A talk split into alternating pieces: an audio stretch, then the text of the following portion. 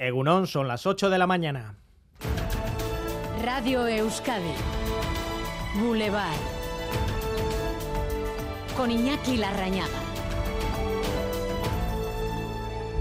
Esta semana se cumple un año de la guerra en Ucrania que ha puesto patas arriba todo el planeta, incluida Europa, que ha comprometido seriamente su economía para confrontar con Rusia, en el plano comercial primero y en el militar después. En la antesala del aniversario, las potencias mundiales se han reunido este fin de semana en la Conferencia de Seguridad de Múnich para reafirmar que no es momento de ceder. Óscar Pérez. Sí, respaldo a Ucrania es el mensaje que manda Múnich y también que a Ucrania se le están acabando las balas. Un año de guerra se está notando en sus arsenales y Occidente no es capaz de suministrarle armas y sobre todo munición con la suficiente rapidez. El alto representante de la Unión Europea, Josep Borrell, ha hablado muy claro. Zelensky Zelensky y los ucranianos tienen muchos aplausos pero no suficiente munición. Necesitan menos aplausos y más armas. Tenemos que acelerar el apoyo militar, decía Josep Borrell. De la conferencia de la ciudad alemana sale también un mayor distanciamiento entre las dos superpotencias, con Estados Unidos advirtiendo de que China estaría barajando proporcionar una ayuda letal a Rusia. Armas, concretaba el secretario de Estado, y eso tendría unas muy serias consecuencias en nuestras relaciones. Y sobre el terreno se extiende el temor a que el presidente ruso quiera hacer una demostración de fuerza coincidiendo con el 24, 24 de febrero. Enseguida vamos a preguntar sobre ello a María José Pérez, profesor de la Universidad Complutense, especialista en Rusia. Esta semana Euskal Rati Televista vuelca todos sus esfuerzos en trasladar desde Ucrania la situación que vive el país. Este viernes en directo desde Kiev, especial en Radio Euskadi con Xavier García Ramsden, Dani Álvarez, Xavier Madariaga y Joseba Urruela.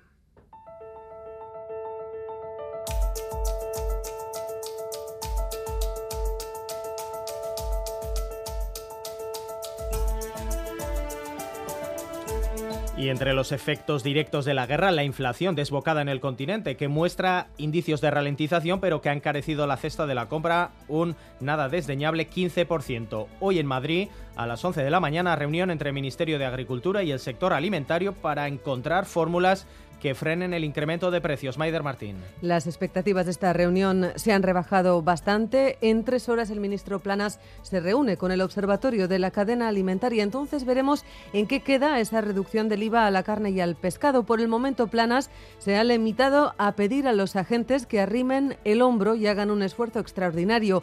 Descarta también la propuesta de Unidas Podemos de bonificar en un 14% la cesta básica de la compra para aplacar la subida de precios. Y hoy, 20 de febrero, se cumplen 20 años del cierre de Guncaría por parte de la Guardia Civil bajo las órdenes del juez de la Audiencia Nacional del Olmo. La pesadilla comenzó de madrugada para su director, Marcelo Tamendi. Y estando en casa la una ya dormido, pegaron un golpe en la puerta y dijeron, abra guardia y la abrí. Entonces me pusieron una pistola en la cabeza y en aquel momento me leyeron una especie de auto de, auto de cierre, de clausura del diario y arresto, arresto mío por, por colaboración o pertenencia a una de la mañana, eh, la noche del 20, del 20 de febrero del 2003. Un atropello reconocido años después por los propios tribunales que absolvieron a los arrestados y desmintieron el relato que vinculaba al periódico Coneta. Hoy a las 7 de la tarde, el periodista Imanol Murúa va a presentar el libro Egunero Beargenuen, que cuenta cómo al día siguiente del cierre nació un precario diario, Egunero, antes de dar paso a Berría.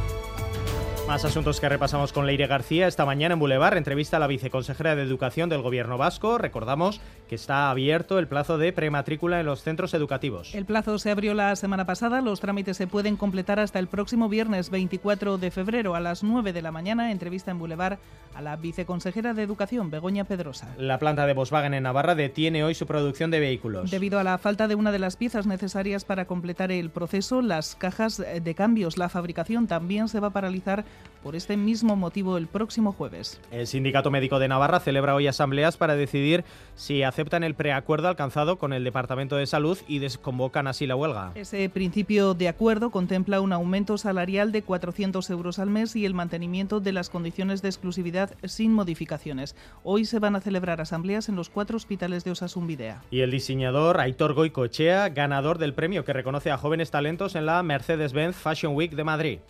Aitor Goicoechea. Y me parece increíble esto, o sea, aún estoy que estoy flipando.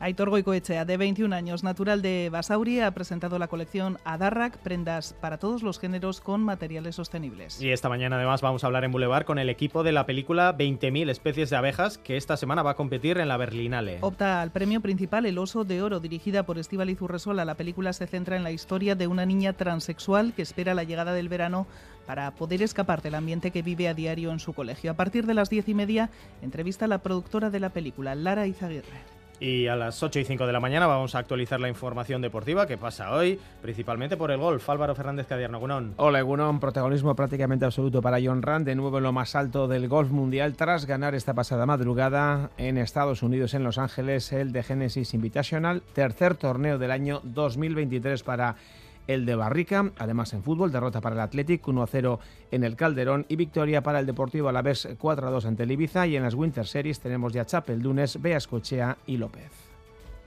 Boulevard. Lural de Bus nos ofrece la información del tiempo. Lural de Bus, a donde vayas, vamos contigo. Previsión del tiempo, Euskalmet, Maya Leniza, Egunon. Egunon, hoy suben las temperaturas y el día será en general soleado. Soplará el viento del sur con algo más de fuerza por la tarde y en la vertiente cantábrica las máximas superarán con facilidad los 20 grados. En el resto también subirán un par de grados y rondarán los 17-18 grados. Durante la mañana aparecerán algunas nubes bajas en la mitad norte, sobre todo cerca de la costa.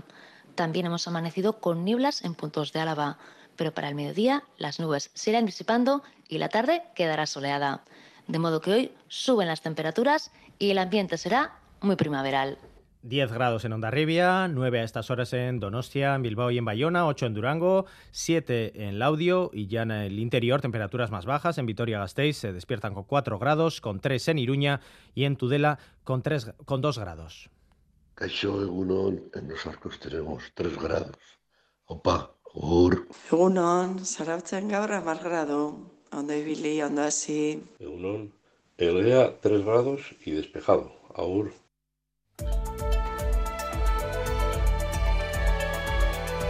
Boulevard. Tráfico. Vamos con la situación en carreteras. Maider Martín. Un punto de atención a esta hora, según el Departamento de Seguridad, en la A1 en Gasteiz, concretamente en la salida del Aqua, sentido Donostia, se ha producido una colisión entre un turismo y un autobús que ya ha sido retirado. El turismo, en cambio, continúa ocupando un carril. En el control técnico, Yayo Mejón y Beatriz Leal, comenzamos. Turno de tarde en el hospital. Ocho horas me esperan. Voy a visitar a Laitona, a pasear juntos un ratito. Con las amigas al teatro, qué ganas tenía ya. Porque la vida vuelve y el transporte público es vida, en Lural de Bus, donde vayas, vamos contigo.